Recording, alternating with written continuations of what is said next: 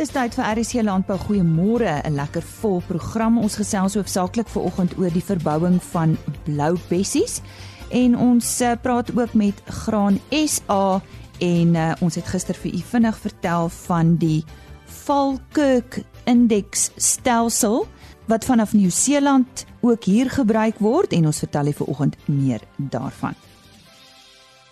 Kenners in die graanbedryf het hulle die afgelope weke uitgespreek oor die mielieaanplanting se lot te midde faktore soos hoë temperature en min reën.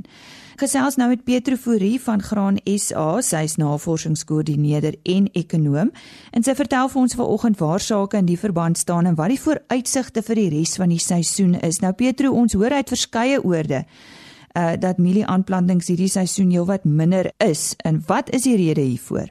Dankie Lise, weet jy dit is heeltemal korrek. Ehm um, as mense ook nou kyk, die die oeskattingskomitee syfers het einde verlede maand ehm um, het dit uitgekom. En as mense kyk, die voorlopige skatting van die oppervlakte onder mielies beloop so 2,3 miljoen hektaar.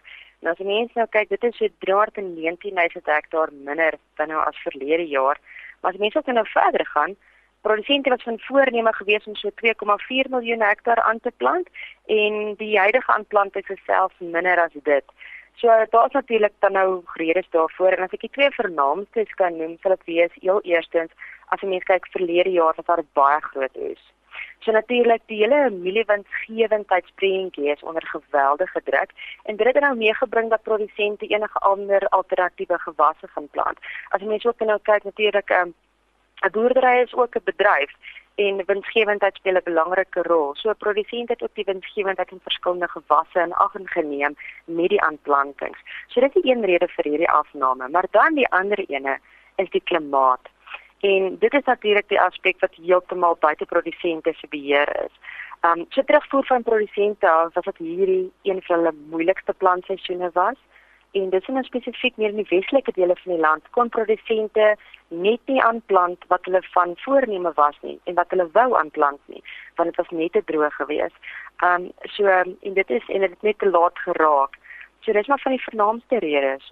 Hoe lyk die vooruitsigte vir die verskillende streke op hierdie stadium? Um as ek net vir jou moet sê, daar's natuurlik nog baie wat gaan gebeur die res van die seisoen en waarvan reënval natuurlik die belangrikste faktor dan nou is wat met opbrengste kan gebeur.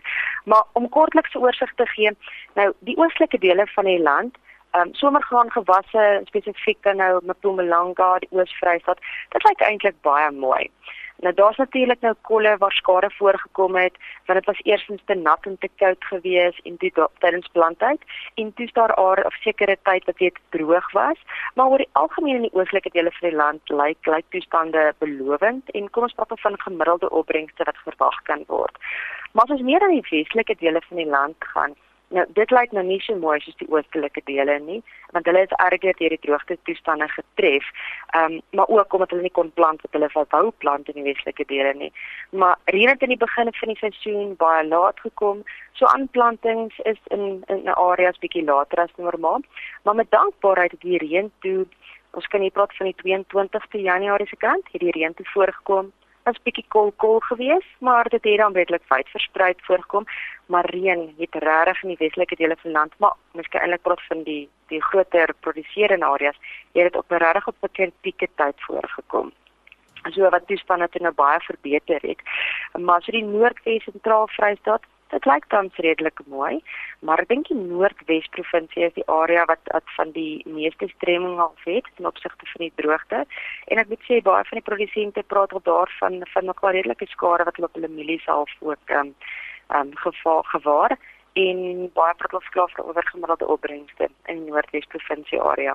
Uh Petro maar Suid-Afrika het dan 'n rekord mielieoes van sowat 16 miljoen ton gedurende die vorige seisoen gehad. Is is daar seker nou 'n redelike surplus mielies of is ek verkeerd? Dit is heeltemal korrek, Lisa. As jy nou praat van die 16.7 miljoen ton, um en dit het nou meegebring dat ons nog 'n redelike groot oordrag voorrade na die nuwe seisoen ingaan. So as kyk um, volgens Graan SA se vraag en aanbod syfers, skop ons 'n nuwe bemarkingsseisoen met 'n oordrag voorraad van so 4,35 miljoen ton af. Nou ehm um, die oeskattingskomitee het nog nie opbrengsyfers ehm um, of produksieskattingsyfers vrygestel nie. So ons het drie scenario's wat ons nou getrek het met verskillende opbrengste. En met al daardie drie scenario's met die oordragvoorrade van hierdie 4 miljoen ton plus uh, mielies sit ons met die komende seisoen met 'n redelike groot surplus voorrade. So in die kort van die lank is daar is eintlik genoeg mielies plaaslik beskikbaar. En om hier af te sluit, watter rol speel die mielieprys nou in 'n produsent se volhoubaarheid? Dis ek dink as 'n mens praat van die mieliepryse en die groot oordragvoorrade is is mieliewinsgewendheid regtig onder geweldige druk. As jy mens kyk insetkoste, dit styg jaar na jaar ehm um, so en die mediepryse wat tans onder druk is, ehm um, maak die mieliesommetjies eintlik net nie sin nie en dit klop net nie. Ehm um, heidaglik met bogemiddelde opbrengste oor die algemeen behaal word vir produsente om slegs net gelyk te breek. So die prentjie heidaglik is is nie te rooskleurig eintlik vir vir graanprodusente of dan spesifiek vir mielieprodusente nie. Um ek dink ook die pad vorentoe Mieliepryse staan vir die groot steenpilaar as mens kyk vir langtermyn volhoubaarheid nie. So daar's regtig ander aspekte wat wat meer aandag moet geniet en dit sluit in wat is die produksiepraktyke produsente doen, die navorsing die pad vorentoe.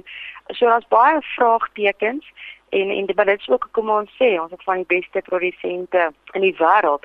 So dit is daar's net nogal baie uitdagings voor vir ons produsente ten opsigte van pryse en winsgewendheid. Ons sê baie dankie vir Petro Fourie, sy is by Graan SA, sy's navorsingskoördineerder as ook ekonom. Die volgende onderhoud word aangebied met die komplemente van Laveld Agrochem. Saam boer ons vooruit. Afgesien van die hoope gesondheidsvoordele wat blou bessies inhou, is dit ook 'n gewas met 'n baie hoë inkomste potensiaal vir produsente. Nou dit klink te goed om waar te wees, sou ons produsente seker nou al op hierdie stadium sê. Maar ek gesels met Martin Wolfarter. Hy is voormalige besigheidsontwikkelingsbestuurder van Laveld Agrochem en hy vertel vir ons wat ons moet weet oor blou bessies en die verbouing daarvan. Ja Martin, ehm um, waarom is blou bessies skielik so 'n nuwe gier? Ja, lieve dankie en dankie aan die luisteraars. Ehm um, Bloubes is soos vele ander bessies en neute van onder die sogenaamde superkosse. Hulle is ryk aan Vitamiene C en K en mangaan, maar veral ook hoog in antioksidante. Laasgenoemde is baie voordelig vir bloeddrukregulering en daarmee saam verlaag dit natuurlik kanse vir hartsiektes. Verder is daar ehm um, ook verwantskappe met verhoogde breinfunksie en vertraging van selfoudingsprosesse. So met so hoë gesondheid sou mens verwag dat die mark natuurlik teen ja, die meer inkomste groei. Gepraat van mark, hoe lyk die mark vir blou bessies plaaslik en ook wêreldwyd? Ja, volgens die uh, internasionale blou bessie organisasie, die IBO, was daar teen uh, Oktober verlede jaar 2017 reeds um, amper 700 000 blou um, ton blou bessies wêreldwyd geproduseer, waarvan 'n drie kwart in die Amerika spesifiek die VSA, Kanada en Chili. Tradisioneel is blou bessies noordelike hemisfeer gewasse en is die produksie so noodsaaklik daar gesetel so die die mark is ook grootliks daar. Um Chili is een van die grootste suidelike hemisfeer produsente en verteenwoordig ongeveer 15% van die wêreld se produksie. Met Australië en Suid-Afrika skaars 0.5%, so ons is baie laag op die die ranglys. Um om 'n ander perspektief te plaas, die uh, plaaslike bloubessie is verteenwoordig skaars 1% van die hy um lokale taalbedryfmark in terme van tonnemark. Um, Suid-Afrikaanse produksie is grootliks gemik op uitvoer, juis uh, om die noordelike seisoen se tekorte aan te vul. Um, as ook spesifiek 'n bron van buitelandse valuta inkomste. Omtrent 80% van ons bloubessies gaan spesifiek VK toe of Verenigde Koninkryk toe. Ehm um, die lokale mark groei ook steeds aansienlik. Ehm um, veral as bloubessies meer bekostigbaar word en verbruikers se smaak daarvoor ontwikkel. So waar kry hierdie vrugte nou hulle oorsprong? Ehm um, vroeë bloubessie aanplantings in Suid-Afrika uh, se oorsprong is hoofsaaklik van die Amer Amerikas, Amerikaanse variëteite. Hierdie bessies verskil aansienlik van die Europese Vaccinium spesies, hoofsaaklik op grond van groeiwys en bessievorm, vleiskleur, pulpkleur, smaakintensiteit. Um, die Europese Vacciniums word in Engels ook na verwys as bilberries. Dit kleiner plante vergelyk aan die sogenaamde labos bloubessie variëteite met kleiner vrugte waarvan dit pertinente donker en pers amper swart kleurige voorkoms. In teenstelling verteenwoordig die Amerikaanse variëteite ligte amper gryskleurige te wit wit uh, vleis. Ehm um, so oningeligte verbruikers kan hierdie vleiskleur as negatiewe uh, visuele kwaliteitsfaktore misgis en mag dink dat dat ek um, die besiese vir die waterig of smaakloos is, maar dit is glad nie die geval nie. Vertel vir ons 'n bietjie oor die blou bessie se groeiwyse. In Europa, veral die Skandinawiese lande kom hulle tipies in ryk organiese sanderige gronde en bennewoude voor. Blou bessies is meer jarige late hoë struike. Hulle kan tot 'n uh, verskeidenheid van grondtoestande aanpas, maar verkies suur gronde met 'n pH van 4.5 tot ongeveer 6. Ehm um, maar hoë organiese fraksie, goeie dreinering is baie belangrik vir goeie groei aangesien hulle vlak water staan vir baie vatbaar vir versouttoestande is. So besproeiingsskenulering met dan weer 'n kommersiële aandoening ehm um, moet baie doelgerig toegepas word om presiese lig tot vogverhoudinge te handhaaf. Waar nie op gronde geplant is, dit wenslik om 'n uh, walle te plant en op te erf vir verbeterde drainering, grondtemperatuur bestuur en vir gemak van bewerkingspraktyke so sneeu en oes. Nou ons verstaan daar's verskillende tipes plante soos 'n lae bos teenoor 'n hoë bos. Wat beteken dit nou eintlik en, en wat is die verskil?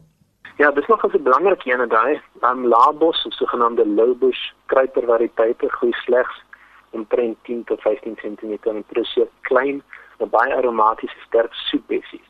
Die hoë bos variëteite, high bush varieties, word tipies kommersieel en grootskalig verbou lewe struike van 1 tot 2 meter hoogte.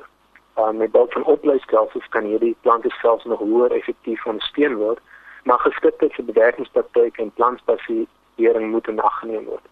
Um hoë bosvariëteite produseer groot bessies. Um dis is die produksiepotensiaal uh, tipies in die orde van 10 tot 15 ton per hektaar met uh, uitmatige oeste van tot 20 ton ook aangeteken onder hoë digte aanplantings. Alhoewel bessies groter is, mag smaak effe minder intens wees as die van van labos variëteite wat dus die belang vir kundige ondersteuning van gepas, uh, gepaste voedingspraktyke onderstreep.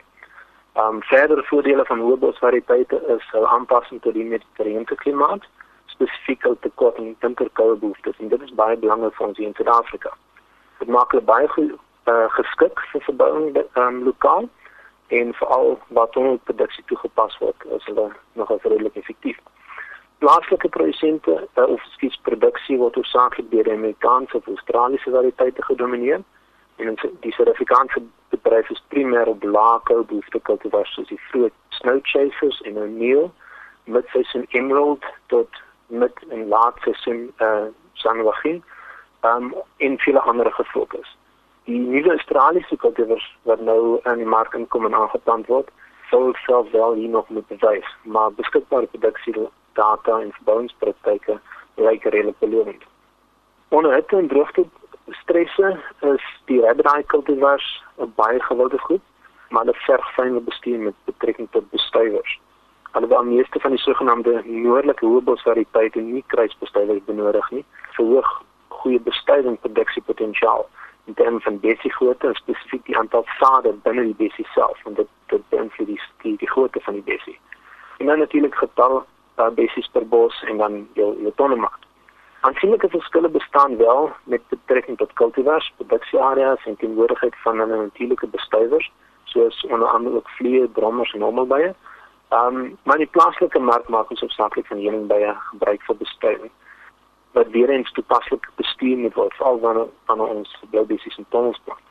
Ehm um, baie kan veral onder bewolkte toestande redelik implementeer wees en dit is nie baie gemaklik met strukture soos soos tonnels nie. Ja, gepraat van tonnelverbouing, wat is jou gevoel oor oop verbouing teenoor tonnelverbouing?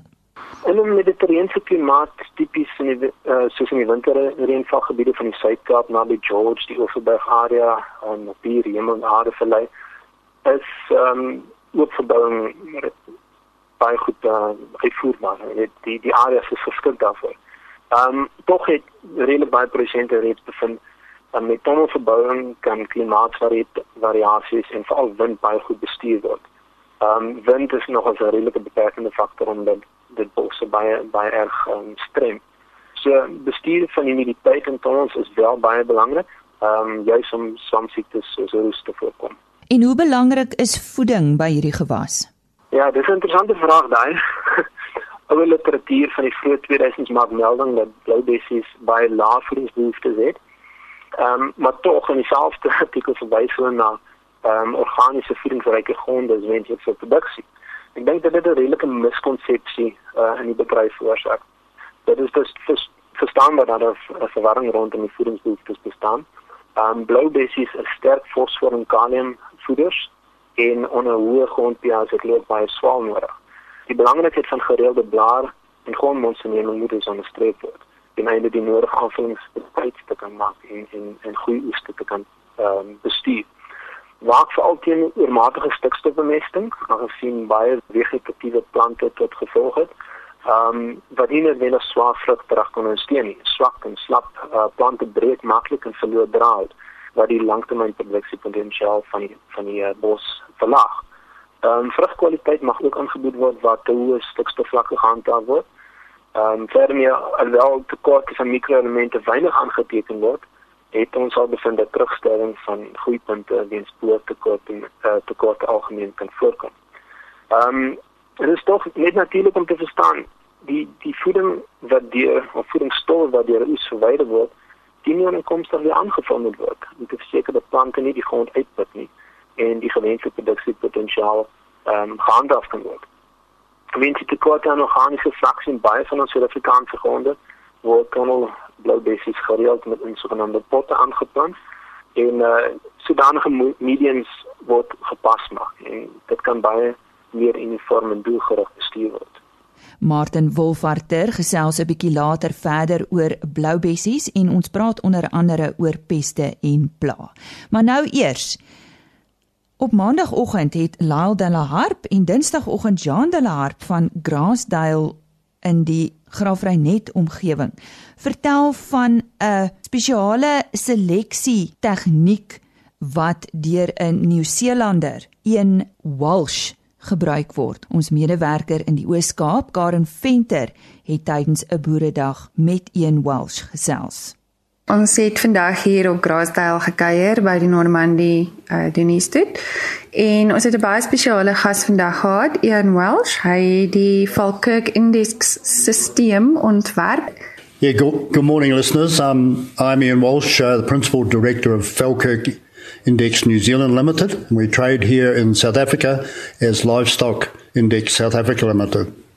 Um, I've created a, um, a, a, tool for, for, for farmers, particularly commercial farmers, to extract uh, better financials from the animals. Uh, there was a need um, in the 1980s because of uh, political change in, in, New Zealand, and it left um, sheep and beef farmers, particularly, um, on their own with no sound advice. So, as a, a as a responsible sheep and beef farmer, um, I, would always uh, studied uh, fundamental science and created um, fundamental science myself. So I believed um, I could develop a solution that would actually sa- save myself and my farming practice. Uh, it was successful, and um, following that uh, success, uh, I built a business of referral to other commercial farmers and some astute stud breeders within New Zealand. Subsequent to that, um, by referral, I built a business in Australia and then South Africa. In 2005, I came here for my first visit, and this trip now is my 32nd visit. So I've spent almost three years of my life out of the last 13 years here. So obviously there is a need um, and, and a gap in the market because what I've developed is something unique. It is um, identifying the more optimal animal that has optimal product that is brandable and we can now place into the market and extract fair value and deserve value for that. And with all the efficiencies involved, um, it, it, it, makes a more profitable um, business line for, for commercial farmers and breeders. So it makes so much sense, and it is um, managed by farmers who take the risk and then take the reward through branded product. The system was to, defined to identify, as I said, the more optimal type animal. Uh, so it gives a high productivity and, and, and negates a lot of unnecessary farm inputs, particularly animal health side. Uh, we focus on an animal that has got a strong immune system and, and to guarantee that it is identified as a structurally correct animal with a physiology that is in, in balance. So that's a bone fat meat ratio relative to the live weight. And we've got a set of formulas to capture that data. Uh, we capture that data accurately by using ultrasound technology. And it's far more effective to um, have a result on a live animal than a dead carcass because if you find that you have a superior animal, I mean, the carcass, it's too late to breed from. So there was a need to develop a system that was special and unique um, and that's what we have achieved. So we can now work with uh, commercial and breeders alike. The driver also is is uh, taking marketing opportunities, and to compete in, in a branded product, you need a specific um, um, portion size. So with our ultrasound and our cutting work, um, we, we we've actually determined very accurately um, um, differences um, in terms of that ratio I mentioned, bone, fat, and meat. You only need a certain amount of fat to run a really efficient animal because the cost to grow fat through energy value is about five times that of growing red meat. So it's so much logic and so economically sensible to to grow just what the animal needs. And, and we can manage this through measurement and, and so we can control our finances very accurately. And of course, uh, we're creating a product um, that that is of high quality. The fat side of it is really interesting in in the sense that the animal only needs enough fat, and that fat is um, a special type of fat. It's a soft type of fat, um, which is quite frankly um, full of stem cells. And, and, and the other fat, when you have too much fat, it becomes a hard fat and and it's no good for human consumption, and it's certainly not good for the animal because it's out of kilter with that ratio of bone, fat, and meat, and um, that's the whole point of um, high productivity and financial return. So if you wish to contact Falkirk or myself, I think the, the most effective way is um, my email address or my web page. You'll get all the information on that. Or Corin will um, introduce you to my secretary here in Graaff-Reinet, who covers the operation in South Africa. So um, the website is falkirkgenetics.co.nz and you'll bring up the page and all the information. So um, we, we look forward to correspondence from you. And e- e- my email direct is falkirk, F A L K I R K, numeral one, at extra, X T R A, dot co dot NZ. En dit was dan 'n Nieu-Seelander, Ian Welsh wat oor die Falkirk indeks stelsel gesels het. Ons praat nou verder oor bloubessies. Ja, nou vir die groot vraag vir watter peste en plaae op bloubessies moet 'n produsent uitkyk. Ja, hier is die ou gevegte van plantegewassenery en vir peste en plaae kom vir jou uh, baie waar vir, vir bloubessies ook. Ehm um, alhoewel omtrent 300 verskillende insekspesies op bloubessies aangeteken is is slegs 'n paar uh, van ekonomiese of kommersiële belang en ek gaan hulle gou onder uitspaar. Ehm um, knopmyte wat veral blomknop affekteer en dis vorming van bessiesvoet, snywurms en bolworms en ander lepidoptera op motte. Ehm um, veral kort voorblom en reg deur tot vrugvorming, blaaspotjies in blom, bladspringers, blom tot nablom, vrugtevliee, plantluise, witvliee, dopluise en verskeie snytkewers of kalanders is wel belangrik. So daar daar's 'n redelike magte van insekte en hulle moet natuurlik goed bestuur word. Ehm um, jy is om die populasies te onderdruk. Blarus, uh, spesifiek Vitrus alternaria species in Victoria kom algemeen onder humide toestande voor en moet voorkomend bestuur word. Soos met enige plant is 'n goeie gesonde blare dak die kombuis wat die produksiepotensiaal bepaal. En goeie bestuur moet toegepas word om dit te onderhou. Ehm um, verder is bloubessies vatbaar vir Phytophthora wortelvrug en plantparasitiese alworms. Alhoewel alworms skade baie wisselvallig kan wees, kan gestresde plante meer vatbaar wees vir dolkalworm wat 'n vektor van tomato ring spot virus is uh, wat ook op blou bossies uh, basies kan voorkom. En dit kan maklik met virus misgis word. So die, die bestuur is daar belangrik om nie die verkeerde siekte aan te spreek nie. Uh goeie grondvoorbereiding en analise van mediums waar bessies geplant word is belangrik, veral waar herplant plaasvind. Dit is wenslik om goeie grondinledings vooraf te neem om die nodige regstellings uh, te kan maak. Watter produkte het Laveld Agrochem wat hiervoor kan help?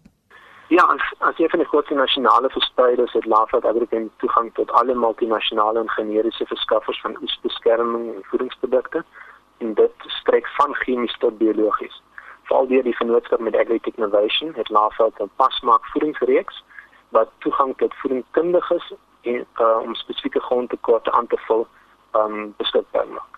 Die middel van decision farming kan te, uh, tekorte bepaal word en spesifieke dienste effektief bestuur word. Die beste dus kontak je naast de Lafayette uh, Agrochem agent voor een plaats of doorbezoek en bespreek je spesifieke uitdagings met hom. Wat moet potensiële produsente nog van blou bessies weet Martin en ons sluit af hiermee. Blou bessies verteenwoordig 'n goeie plaas het inkomste potensiaal. Veral in lig van tekort dat tekortkomende suidelike hemisfeer produksie. Soos vroeër genoem, ons produseer net 0.5% van die van die internasionale mark, so daar's nog baie ruimte vir uitbreiding. Dit is egter 'n gewas wat aansienlik kapitaal insette verg. Val ons fakture waarmee ideale mikroklimaat geskep kan word, bestuur word, is 'n substansiële uitgawe. Blou bessies is baie arbeidsintensief met betrekking tot oespraktyke en snoei en so. En alhoewel meganies oes ondersoek word, bly besig kwaliteit die beste van um, waar handoespraktyke toegepas word. Blou bessies moet bestuur en geboer word. Dis doen doen dit reg van die begin af. Gepaste grond medium ontledings, voorbereidings, kultivarkeursus vir jou spesifieke area, besproeiing, voeding en oesbeskerming met gereelde insette van kundiges is belangrik, maar veral die boer se eie voete in die aanplanting. Dis kardinaal vir suksesvolle boerdery en in die geval ook blou bessie boerdery. Ons sê baie dankie vir die voormalige besigheidsontwikkelingsbestuurder by Laveld Agrochem Martin Wolfarter en indien u dalk meer inligting benodig, uh, kyk gerus op hulle webtuiste. En hierdie bydrae is aangebied met die komplemente van Laveld Agrochem. Saam boer ons vooruit. Ons sluit af met ons wolmarkverslag aangebied deur Jolandi Root. Die wolmark het vandag hoër verhandel en die Cape Wool's Merino aanwyser styg met 3,1% en 563 punte om te sluit teen 'n waarde van R189.87 per kilogram verskoon wol. Die Australiese EMI het met 4,3% toegeneem terwyl die Cape Wool's alle wol aanwyser verhoog met 2,9%. Die wolmark het duurder verhandel oor al die mikrongroepe met die fynere mikrons wat steeds die meeste veld gewen het. Soos die vorige week was daar weer eens nie baie wol aangebied nie. Alhoewel afleweringe by makelaarspakhuise opgetel het, heers daar steeds kommer oor die aanbod. Die markvraag na goeie gehalte langwol bly sterk en dryf die mark opwaarts terwyl die wisselkoers vandag geen noemenswaardige bydrae gelewer het nie. Altesaam 99,2% van die 5317 bale wat op die veiling aangebied is, is verkoop. Die grootste koper op die veiling was Modiano met 1695 bale, Standard Wool SA met 1317 bale, Tianyu SA met 1041 bale en Lempriere SA met 754 bale.